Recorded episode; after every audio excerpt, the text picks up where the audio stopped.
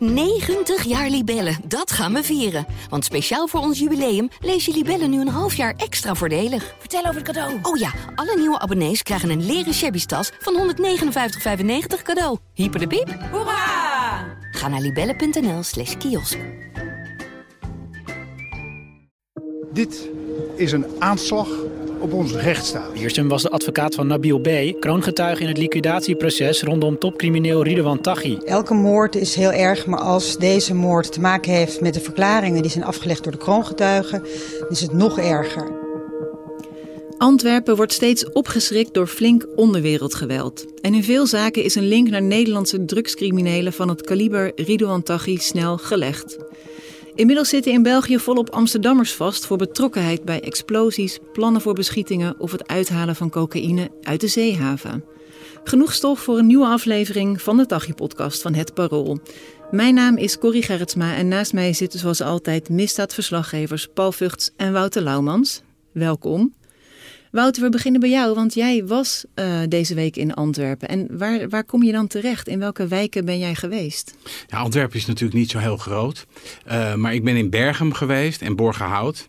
Uh, en dat, is, dat zijn ja, eigenlijk vrij rustige uh, wijkjes. Maar daar is de afgelopen tijd wel zijn er explosieven afgegaan. En dat is het ook wel behoorlijk geschoten. Maar kan je het een beetje vergelijken met de Pijp of met, een, met Nieuw-West of met Noord? Hoogbouw, laagbouw? Nou, Borgerhout is wel zeg maar een, een volkswijk.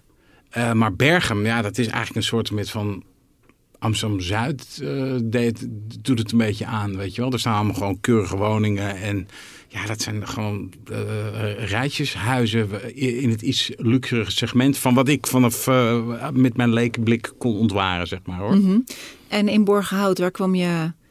Waarom ging je daarheen? Nou ja, er waren, kijk, je zegt het al in de intro. Er, waren, er zijn de afgelopen tijd behoorlijk wat incidenten geweest in uh, Antwerpen. Het is een hete zomer daar geweest. Mm -hmm. uh, en dan moet je denken aan uh, beschietingen inderdaad. En een aantal keren dat er explosieven zijn afgegaan. Dus in die zin lijkt Antwerpen soms ook wel een beetje op Rotterdam of Amsterdam. maar wat inderdaad opviel is dat daar heel vaak Amsterdammers worden opgepakt. Uh, en kijk, het is op zich niks nieuws dat Nederlanders betrokken zijn bij uh, allemaal gedoe in Antwerpen. Mm -hmm. Maar het viel gewoon nu wel op dat het, dat het er zoveel waren. Ik geloof in, in, in twee weken tijd waren er iets van dertien of zo. Dat is echt wel... Dat ja, is en dan de, dezelfde leeftijdscategorie ook, hè? Ja, jonge, jonge tieners, uh, begin twintig. Uh, de jongste was volgens mij uh, was in Nederland, die was 15. Dat vond ik ook wel weer erg jong. Ja. en dit is eigenlijk een soort, soort trend waarbij je zegt van... Goh, wat is er aan de hand in Antwerpen? En toen hebben we eigenlijk samen besloten, we gaan er eens een, kijken. Mm -hmm. Op de achtergrond daarvan speelt ook nog dat er de afgelopen jaren behoorlijk wat meer Nederlanders nog daar zijn uh, opgepakt. Ook bijvoorbeeld voor het uithalen van cocaïne uit uh, de haven. Mm -hmm. Ook vaak heel jonge jongens. Veel, uh, betrekkelijk veel uit Amsterdam Zuidoost. Die dan worden geworven kennelijk om daar die klussen te doen. Um, en daar zit een behoorlijk aantal ook van vast in, uh, inmiddels in België. Uh, hun vermoedelijke opdrachtgevers lopen de grote zaak hier in Amsterdam uh, tegen. Dat moet allemaal nog tot een uitspraak leiden. Maar er zijn ook flinke straffen ge gevorderd. Deze jongens hebben 7, 8 jaar gekregen. De uithalers in België. En hier in Amsterdam zijn straffen tot aan 14 jaar cel gevorderd tegen de vermoedelijke opdrachtgevers. Dat uh, is al begin dit jaar gebeurd. Dat volgens laat lang op zich wachten, omdat er gedoe is over het beruchte berichtenverkeer uit de uh, server van de berichtenversleutelaar uh, Sky, ECC. Mm -hmm. maar dus Wouter en ik zien al jaren uh, het fenomeen dat Nederlanders, jonge Nederlanders, daar naartoe gaan om daar misdrijven te plegen, uh, drugsgerelateerd. En, uh, en dan hebben we het over jongens die bijvoorbeeld 15, zegt Wout net maar 17, 18, 19, 20. en ook dat het wel mixjes zijn, soms van Amsterdammers, Amsterdam Zuidoost, Oost, tikje west soms. Of wat Almere, wat natuurlijk veel uh, familiebanden heeft met de mensen in uh, mm -hmm. Zuidoost. Maar dan ook ineens met Rotterdam. Uh, en Rotterdam heeft natuurlijk ook de grote zeehaven, net zoals Antwerpen. en je ziet dat daar, ja, dat zijn gewoon concties. die worden afgestuurd op Antwerpen in dit geval om daar hun misdrijf ja, want er, er is natuurlijk gewoon heel veel drugshandel. Maar is het een soort concurrentie dan tussen België en Nederland dat er zoveel geweld is? Of is het meer een soort... Het toeval dat het opeens nu is? Of wordt nou ja, er meer... Wat, wat, ik, ik, ik liep daar rond en, en dan vraag je zo, wat is, er, wat is er dan aan de hand? En dan zijn het diverse drugsorganisaties die elkaar bestrijden. Er is een verhaal dat er een rip is geweest. Ja, het is altijd hetzelfde. Eén uh, iemand die pikt wat van een ander en dan ontstaat er een hele hoop gedoe wat, wat, eindeloos, wat, wat zich eindeloos kan uh, voortslepen. Met uh, beschietingen over en weer en bedreigingen. Liquidaties zijn overigens een zeldzaamheid nog in Antwerpen. Dat is verteld. toch wel eigenlijk wel zijn wij, zijn wij Nederlanders dan zoveel groffer? Of is, wordt de drugshandel hier echt op een andere manier gedaan dan in uh, België? Nou, je moet zien dat uh, tot voor kort, daar gaan we het daar ook verder over hebben, was eigenlijk Nederland, de, de misdaadgroepen uh, uit Nederland, die waren dominant, ook in, in België. Dus de hoofdpersonen kwamen vaak uit Amsterdam of andere steden in de, de Randstad.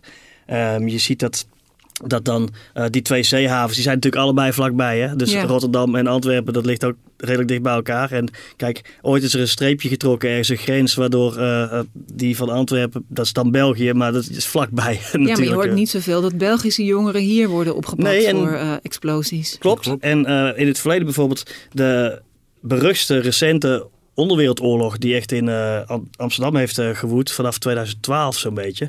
Uh, die had als katalysator een moord op een Amsterdammer, Bobo, Najib Boubou, in Antwerpen voor een hotel. en dat had te maken met Nederlandse groeperingen die weliswaar samenwerkten met ook een groep uit Borgerhout, waar Wouter het net over heeft, de Turtles noemen ze die. Maar die wel, dan waren de Nederlanders dominant. En dat was de groep van toenmalig, van Gwennet en Marta uit Amsterdam-Zuid. En uh, die groep was uiteindelijk, die, die splitste in tweeën nadat er 225 kilo kook was verdwenen. Die bleek achteraf in beslag genomen, maar dat wist niet iedereen. Mm -hmm. En toen is daar voor een Antwerps hotel dus uh, die Bobo, uh, Boeboe, doodgeschoten. Uh, daar zijn ook Nederlanders voor uh, veroordeeld voor betrokkenheid van. En anderen zijn er al niet meer, dus zijn zelf geliquideerd. En toen heb je een hele reeks liquidaties gehad, met name in Amsterdam. Maar dat was dus eigenlijk een Nederlandse toestand met België als satelliet. Andersom inderdaad uh, is het wel zeer uitzonderlijk dat Belgen hier naartoe komen om grof geweld in Amsterdam te ja, Dus eigenlijk plegen. wat wij altijd Italiaanse toestanden noemen, noemen de Belgen nu Nederlandse toestanden. Dat is grappig, want dat zeggen ook verschillende mensen in de Belgische politiek nu. Van, wij krijgen hier Nederlandse toestanden. Hè? Uh, waar wij altijd zeiden, Italiaanse toestanden. Wouter en ik zijn daar tegen overigens. Tegenwoordig, sinds 2015, 16, moeten we bij zeer grof geweld ook tegen de bovenwereld spreken van Nederlandse toestanden. Mm -hmm. Face it. Uh, maar de Belgen beginnen langzaam uh, ja, dezelfde soort problemen uh, te krijgen. Los nog van uh, liquidaties. En het dat zijn gewoon Belgische toestanden. Ja, Belgische toestanden. Het zijn gewoon, eh, ik bedoel, dat, kijk, dat is natuurlijk het, eigenlijk het rare.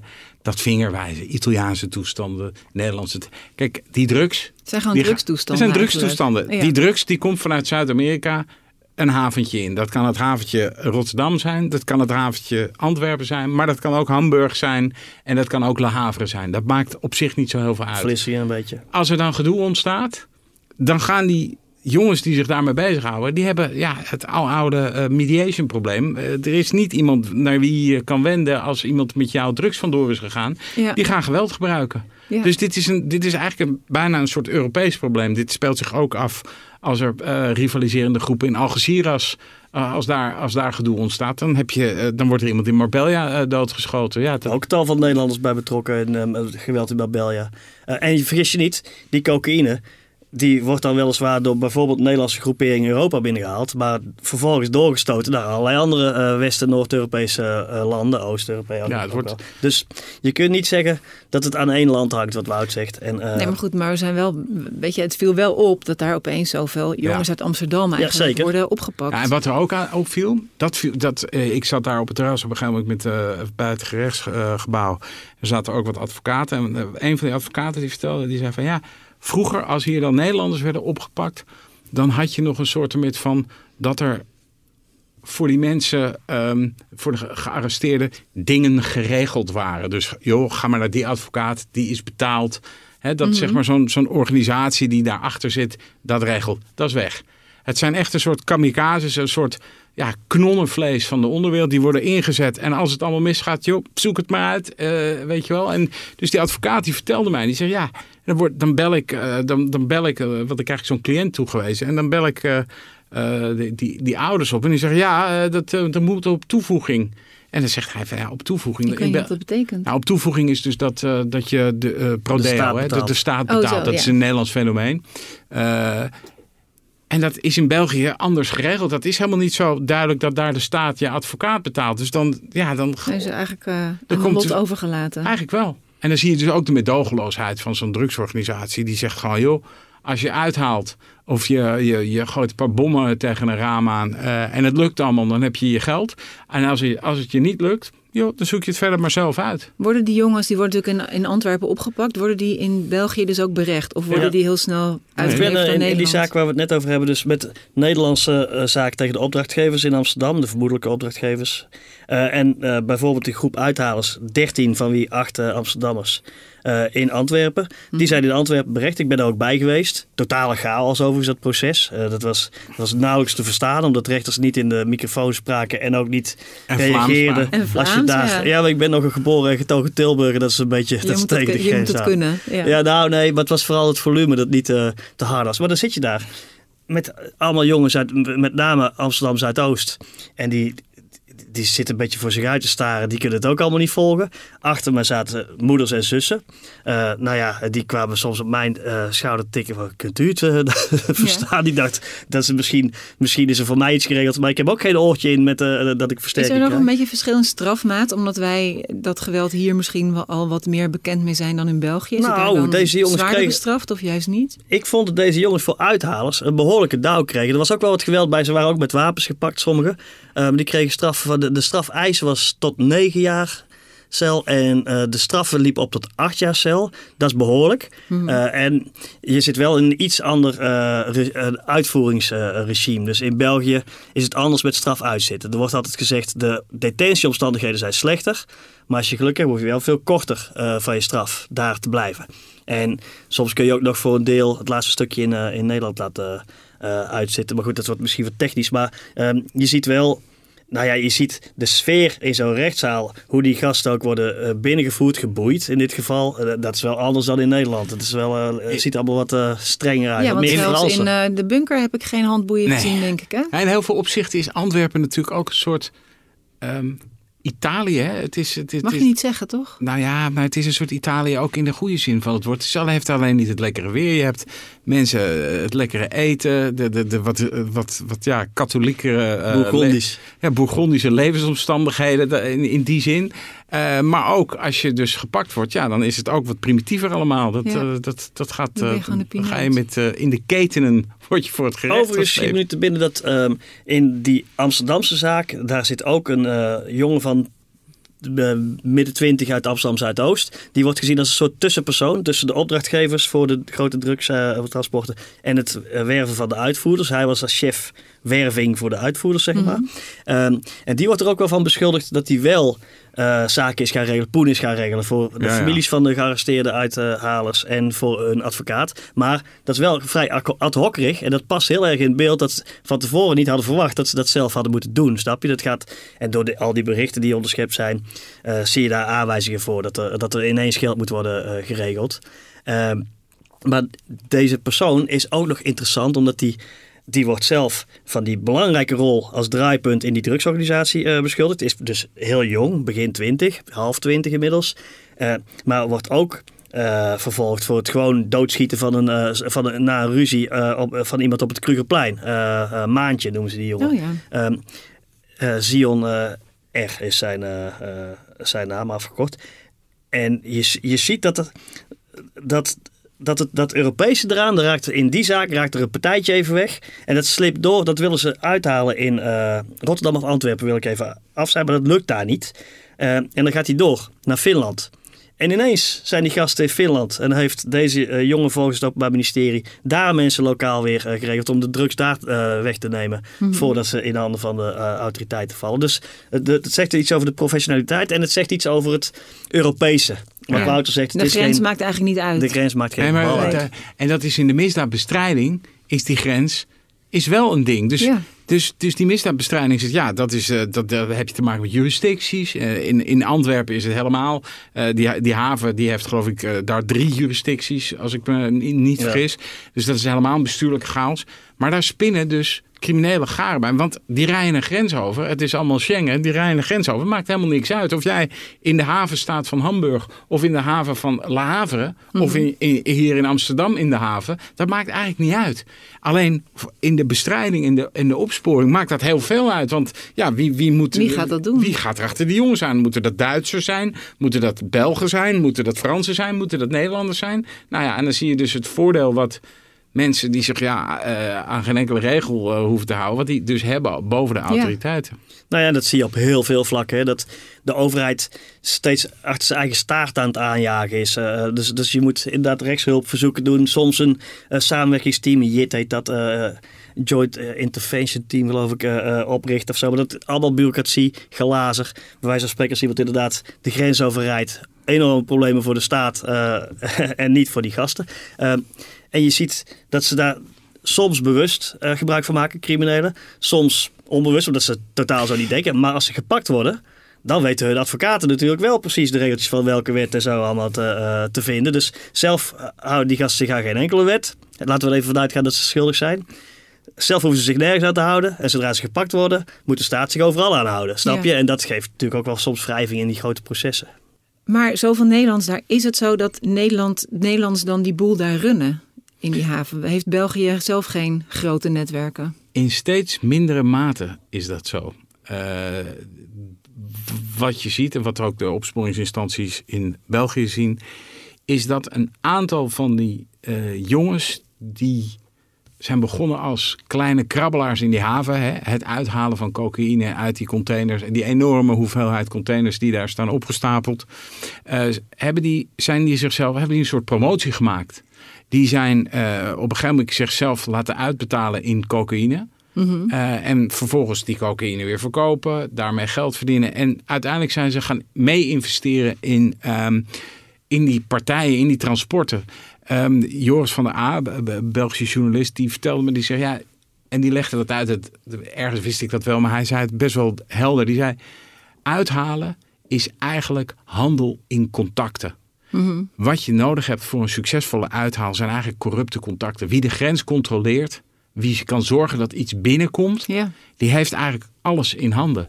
Eh, en die jongens zijn daar zo gehaaid in. En die, die, die nutten die contacten ook helemaal uit. Dus dat gaat niet, niet alleen van, joh, ik kan zorgen dat het binnenkomt. Ja, ik kan wel zorgen dat het binnenkomt. Maar dan wil ik zelf op dat transport van 1000 kilo, wil ik ook 100 kilo meelopen. Want anders dan heeft het voor mij geen zin. Dan, dan lukt het niet. Dan neem je het risico niet. Nee, en, en, en zo wordt daarin gemarchandeerd. En inmiddels is het dus zo dat er gewoon een aantal Belgische dertigers zijn... die dus ooit zijn begonnen als uithaler in die, in die, in die haven.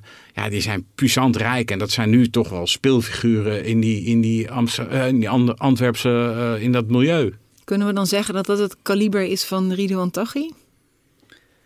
Mm, kijk, we- wij gaan we hebben hier vaker wel besproken van, van Nederland en, en Noord-België wordt ook al bij eh, eh, eh, geteld. Gaan we ervan uit dat er zo vijf tot zeven enorme organisaties zijn van het kaliber van Ridwan Taghi. Ik ken er nog geen eh, die puur Belgisch is of zo. Maar wel, maar je ziet wel gewoon puur die, die samenwerkingsverbanden. En, en vergis je niet, de globalisering van de internationale cocaïnehandel speelt ook mee. Hè? Dus het is onze eh, zogenaamd Nederlandse eh, criminelen. de, de, de belangrijkste die hier die in die Nederlandse zaak met een, eh, waar ik het net over had, strafzaak eh, figureren. En met een, eh, en in die dossiers, met een satellietzaak in België, waar ik allebei geweest ben. Daar zijn heel belangrijke verdachten. Josje L. uit eh, eh, Brabant, Josje Leidekker. Leidekkers. Eh, hij is op de nationale opsporingslijst geplaatst met zijn volle naam, dus laten we niet omheen praten. Ja. En eh, Isaac B., eh, iemand die ze Bom noemen. Ook een Nederlander, maar die heeft Afrikaanse roots. Maar die, die zijn niet hier in Nederland actief. Die zitten in Dubai, die zitten in Turkije. Die zijn ook allebei voor het vluchten en zo. Dan heb je een tussenlaag. Daar zitten zowel Belgen ook in als Nederlanders. En dan heb je die onderlaag van uithalers. En daar heeft Wout natuurlijk gelijk. En Joris van der A, onze collega daar. Uithalen is voor een deel die corrupte contracten beheren. Dat zijn dan vaak Belgen. En het echte inklimmen eh, en het... eh, Dat doen die jongens uit. Precies, met gevaar voor eigen leven die, die blokken uit die containers halen. Dat Ja. zijn vaak weer jongens van Zuidoost. Dat noemen ze niet voor niks kamikaze. Hè. Vaak, kijk, die, die container die gaat naar een kaai of een kade, weet je wel. En dan, dat weten ze van tevoren. Maar soms gebeurt, gaat er gewoon iets mis. Ja. Hè, dan, dan, dan zegt, eh, weet ik veel, de havenmeester of zo. En ik, ik, ik zeg het waarschijnlijk fout. Die zegt, oh ja, nee, die, haven, die containerport die kan even niet. Zet hem maar even op die andere kaai. Weet Dan je wel? wel paniek en dan is er dus paniek, want Ja. daar heeft zo'n eh, drugsorganisatie, die heeft daar dan bijvoorbeeld niemand. En wat ze dan dus doen, dan ronselen ze die, die jonge jochies. En die, worden, die krijgen dan eh, een ton, wordt hen in het vooruitzicht gesteld. En die moeten dan, dat heet ook een kamikaze, omdat dat heel vaak misgaat. Die gaan dus redden wat er te redden valt. Ja, en dat zijn dus acties. Joh, daar loop je met z'n tienen zo'n zo'n haventerrein op. En dan ga je proberen om dat uit zo'n container te halen. En als het lukt, is het Hosanna. En als het niet lukt, dan is het. eh, Maar je hoort eigenlijk Ellende. toch nooit van, ik weet niet of dat gewoon niet in het nieuws komt of dat niemand het aangeeft, dat, want die, die kilo's die gaan in een container van een of ander bedrijf wat, eh, weet ik veel, In een deklading vaak, dus ergens, bijvoorbeeld eh, fruit. Het slim is als je ja. fruit gebruikt, dat kan natuurlijk niet, dat moet vrij snel Ja, door precies, de... dat moet er doorheen. Ja, dus Ja, dat dat kunnen ze niet voor controle even heel erg lang in de hoek zetten. Maar je hoort, hoort toch nooit van een bedrijf wat eh, een container bananen importeert en zegt, oh, wat we nou toch vonden tussen de lading. ja, soms gebeurt dat wel hoor. Dat komt wel voor. Maar wat je... ehm, De groot. Ja, er is een heel eh, beruchte strafzaak inmiddels, eh, fruithandel de Groot. En eh, daar heeft het ook een mysterie Ja, maar bewijs ook maar dat je er niks van wist, toch? Ja, maar wat je vaak ziet voor het gevaar van die, van die jongens. Wouter en ik hebben al een keer voor het Parool een artikel gemaakt over een jongen die daar in het water is beland. En eh, nou ja, een heel jonge jongen. Die is, Ja, die is overleden, toch? Ja, en Ja. een andere 18. keer, andere keer was er ineens ja, een, een probleem. Shit, er is een eh, bewaker in een, eh, in een auto. Nou ja, die moet dan eh, mishandeld worden en zo. En dan zie je ook in die berichtenverkeer, die PGP-verkeer, bijvoorbeeld via Sky SSC, dat daar volgens het Openbaar Ministerie mensen die Jos Leidekkers of eh compagnons van hem, dat heel erg aansturen van ja, oké, ga maar, sla maar in elkaar, ga het maar regelen. Is iemand uiteindelijk op een boot eh, te- terechtkomen en daar door de bemanning geholpen en zo. Maar, maar je ziet dat ze dan, als ze snel moeten schakelen, dan zie je hoezeer die uitvoerders, die uithalertjes, als ka- kamikazes, als kanonnenvoer worden eh, eh, gebruikt. Want vergis je niet, hè. Als er 600 kilo ergens uit moet. En die jongens die gaan met gevaar voor eh, hun eigen leven en hun eigen, de rest van hun leven, gaan ze dat eruit halen. En het lukt en ze halen er eh, 300 kilo uit. Dan zegt zo'n drugsorganisatie zegt niet van... hé, hey, dankjewel, jullie hebben toch Ja. nog 300 weten te redden. Ah, ah, zo werkt het niet. Nee, zegt er zat 600 in. Waar is die 300? Jullie zijn verantwoordelijk. Dat gaat echt bikkelhard, hè? En als je ervan uitgaat dat er een kilo 21.000, 22.000 waard is, dan is 300 kilo een hele grote schuld die je ineens hebt. En met die schuld kun je natuurlijk weer worden Ja, het bewogen om weer verder te Heb gaan. je enig idee wat de jongens voor beloning krijgen? Een ton per uithaal hoor ik altijd. Ja, dat, dat, dat is wat ze vaak in het vooruitzicht wordt gesteld. Sommigen denken dat ze dan zelf een ton krijgen. Oh, er zijn ook wel 50.000, 150.000, er zijn natuurlijk wel verschillen in. Maar eh, ten eerste is het voor de groep. Dus je moet het wel even door x aantal eh, betrokkenen delen. Dat valt soms tegen. Soms krijgen ze het ook niet. Soms gaat er iets mis waardoor ze een schuld... eh, het is net bij Loverboys. Soms uh, de Loverboys die fingeren een schuld bij zo'n meisje... waardoor dat meisje moet blijven werken als prostituee. Ja. Nou, deze jongens moeten als uithaler soms blijven werken... of andere hand-en-spandiensten eh, verlenen... omdat ze erin zitten. En het is... We kunnen niet ik kan vaker me zo genoeg voorstellen dat het, dit is van, ik doe het één keer en dan ben ik van Ja. het. Ja, ja, maar weet je wel. dat En kunnen we niet vaak gewoon- genoeg herhalen. Als je erin zit, kom je er niet uit. Je gaat dood of je komt in een cel. Eh, en je hebt een heel rot, eh, rot leven om... eh, De stress, de, de, de, de, de... Kijk, het gaat één keer goed. Het gaat twee keer goed. Het gaat misschien drie keer goed. En misschien gaat het wel tien keer goed. En de elfde keer Dan wil je stoppen. Nou ja, dat zou je zeggen. Eh, De hebzucht eh, prevaleert toch altijd. En het gaat een keer mis. En als het mis is, is het zulke doffe ellende. Paul zegt al, je eindigt in een houten doos of een betonnen doos. En het is, er is geen andere uitgang uit dat labyrint. Ja, in de cel. Ja, dat is een die betonnen betonnen doos. Oh, sorry. Ik dacht, wat een zware doodskist. Dat is Nee. ook erg. Nee, maar Of kijk, op de bodem van de haven, En zeg maar. het, het grote probleem is dat veel van die jongens, die denken daar natuurlijk die helemaal niet bij na. Die denken, hé, hey, dat is een snelle weg naar geld, naar bling bling, naar mooie klok, mooie auto. We hebben het er vaker over gehad. Soms is het ook een beetje eh, dat het, dat het de, eh, sommige delen van de gangsterrap scene in bijvoorbeeld Amsterdam Zuidoost is heel erg verweven met drugshandel. Via die negatieve rolmodellen worden die gasten geworven. Eh, het is, je ziet dat ze heel snel eh, te werven zijn en dan als het misgaat verbaasd om zich heen zitten te kijken in de rechtszaal. Hoe ben ik hier beland? Ja, en als je dan ook nog bijvoorbeeld AK bij je hebt en een Kalashnikov of andere wapens, dan wil die strafmaat ook nog wel eens omhoog schieten. En dan, dan ineens zit je heel lang in een cel waar je... Uh, dat merkte hij dus ook aan die zaak waarbij dus die drie uh, Amsterdammers werden opgepakt bij zo'n woning met een Kalashnikov in de achterbak, kogelvrije vesten, pistool. Is het bekend op wie ze daar zochten? Ja, dat, is een heel ingewikkeld verhaal. Maar ze waren eigenlijk op Ik heb bij die familie aangebeld waar ze naar op zoek eh, waren. Mm. Nou, die zeiden we hebben er niks mee te maken. Inmiddels heeft de politie ook een inval in hun huis gedaan. Omdat die familie uh, weer beschuldigd wordt van het ontvoeren en martelen van mensen die uh, het op hen voorzien hadden. Dus ja, wie het weet mag het allemaal zeggen. Maar wat ik wil, wil zeggen is dat die vijf die daar dan dus worden opgepakt. Mm Ja, je leest dan zo'n rechtbankverslag van een Belgische collega. En daar lees je gewoon de paniek in van twee meisjes die opeens in hele, hele grote problemen zitten. Want die zijn opgepakt samen met drie jongens. Uh, in een auto met wapens en kogelvrije vesten. Ja, wat ze dachten weet ik niet. Maar die, die, hebben, die hebben echt een heel groot probleem. En uh, het gezag in België is er ook wel behoorlijk klaar mee met dit gedonder. Ja, maar ik kan me ook voorstellen dat het gezag in België denkt: hé, hey, uh, Nederland, we krijgen al jullie rotzooi hier. Ja, dat, dat, de burgemeester van uh, Antwerpen, ja. Bart de Wever, heeft dit al meermaals uh, uitgesproken alle problemen in de Antwerpse haven komen uit Nederland. Dat is, zoals we net allemaal besproken hebben, een enigszins achterhaald standpunt. maar... Um, het is ook een beetje kortzichtig. Het is maar ook makkelijk. Het, wel, ja. het is ook makkelijk. Het is overigens een van de weinige... Maar ze hadden misschien ook een beetje kunnen voorspellen dat het ook ooit zo nou ja, het daar is, zou toeslaan. Nou ja, overschat de overheid niet. Hè. De overheid is vaak laat wakker. Uh, dat is hier in Nederland niet anders dan in, uh, in België. Ik bedoel, hoeveel enorm geweld tegen de bovenwereld hebben we hier moeten hebben voor het een keer uh, mensen wakker werden van hey, dit is narcoterreur. Dat was na de verschrikkelijke moord op advocaat Dirk Wiersen van de Kroongetuigen in 2019. Maar daarvoor was Martin Kok al vermoord in december 2016. Daarvoor zijn aanslagen op uh, um, redacties geweest. Nooit in de politiek Den Haag was toen het idee we hebben te maken met narcoterreur. Maar Paul, daarvoor, daar, daarvoor hebben we een, heel, een hele zwik mensen al op straat zien liggen met, met, Vanaf 2012. Kalashnikov doodgeschoten afgehakt hoofd. Ja, het was telkens over tot de orde van de dag en buiten gewoon vervelend. En jeetje, wat erg.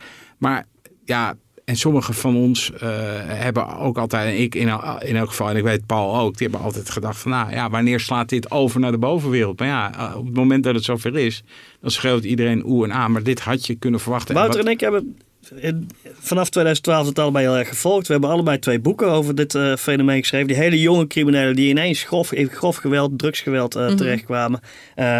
Een uh, kerkhof aan lijken, bij wijze van spreken. Uh, dat is allemaal, dat hebben we gepubliceerd vanaf 2014 in boekvorm, maar daarvoor al in uh, losse artikelen en zo. het is niet dat daar, ik, ik wil ons niet hier neerzetten als de grote zieners, maar het heeft wel even geduurd. Er moest eerst daadwerkelijk geweld tegen de bovenwereld worden ge, gepleegd mhm. en dan ook nog uiteindelijk tegen een toga-drager. Want het was niet genoeg dat de boer van de kroongetuigen werd doodgeschoten, want er werd dan toch in politiek Den Haag kennelijk een beetje gedacht, ja, zijn broer is crimineel, vervelend zeg. Ehm, Terwijl, uh, en je ziet ook steeds dat het weer weg hebt. Na de moord op Peter R. de Vries is natuurlijk weer in volle omvang voor iedereen gebleken dat we in verschrikkelijke narcoterreur terecht zijn gekomen. Nog steeds zijn we geen narco-staat, moeten we herhalen. Maar we zijn wel nu op het kantelpunt dat het heel erg oppassen geblazen is. Maar de overheid, ten eerste zijn ze altijd laat wakker. Ten tweede, ze hebben nog andere dingen waar ze weer worden afgeleid. En terecht, klimaatverandering, uh, de uh, energieprijzen, oorlog, Oekraïne. Ik hoef het allemaal niet op te noemen. Uh, voor je het weet, als het even niet knalt, dan gaan politici weer over tot de orde van de dag. Ja, maar dat is dus ook een beetje wat ik denk, als, als, met alle respect Bart de Wever en, en Abu Talib, die zijn naar, naar Colombia geweest ja, om daar te kijken. van Rotterdam. Ja, die zijn daar geweest om daar te gaan kijken hoe het daar allemaal geregeld is. Het is allemaal prima feit is dat als je een grens hebt waar product, uh, waar, waar, waar, internationale handel op zo'n grote en zo'n snelle schaal gedreven wordt. Uh, en de waar heel snel in waarde vermindert zodra het hier is. Ja, heb je een probleem. Dus het probleem is niet Nederlands of, of Antwerps of... Weet je, het is gewoon een probleem. Dit is een grensprobleem. Het is eigenlijk gewoon een probleem van een grensstreek. En dat gepaard aan steden die naast bijvoorbeeld die grote havens liggen, of dat nou ja. Antwerpen zijn en Amsterdam is ook dichtbij, met wijken waarin uh, jongens, terecht of niet terecht, heel snel het idee hebben eh, dat ze in de gewone maatschappij niet zoveel kans hebben. In elk geval niet om snel geld te verdienen en zich heel makkelijk laten verleiden door Ja. eh, criminelen om wel in, in zee te gaan met ze. En ja, voor je het weet is het leed niet overzien. Maar dat is ook waar, hè? Ik bedoel, die, als je die carrières ziet van die, van die uithalers. eh, dus, en die gaan dus echt in drie, drie tot vijf jaar tijd. Gaan die van krabbelaar met een Noordface jasje in Borgerhout. eh, op een scootertje pakjes dealen. Nou ja, eh, je kan het allemaal uittekenen. Gaan die naar. eh, ik heb voor el- eh, 11 miljoen aan vastgoed in Dubai. Ik rijd daar rond in een, in een gouden Rolls Royce met eh zebra-bekleding en weet ik veel wat voor gekkigheid. Ja. Maar dat kan in vijf jaar. Noem mij één andere business waarin je in vijf jaar tijd als straatjongen van, van Zo groot kan nul worden. naar alles kunt gaan. Die cocaïne business, die, dat dat is, verdienmodel. dat is gewoon het verdienmodel. Trekt die jongens de, de, de business in, weet je wel? Dat is gewoon wat er En er gebeurt. gaat veel meer geld in dan, dan eh, de staat te besteden heeft om te bestrijden. Per staat gezien, België, Nederland.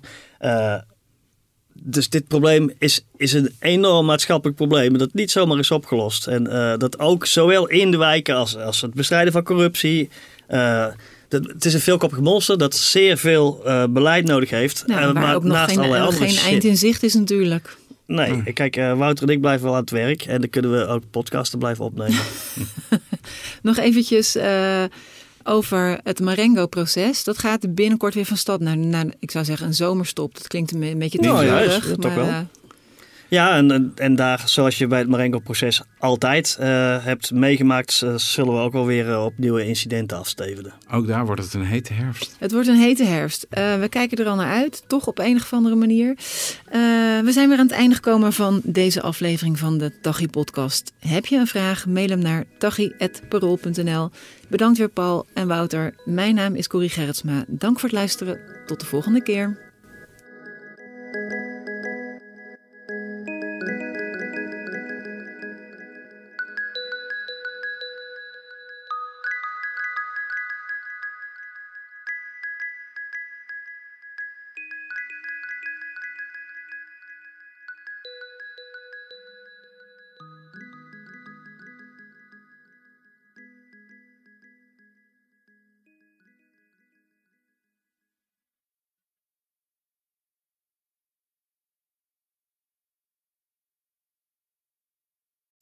We worden dagelijks overladen met overbodige informatie. En het is moeilijk de zin van de onzin te scheiden. Daarom vertrouw ik op echte journalisten in plaats van meningen.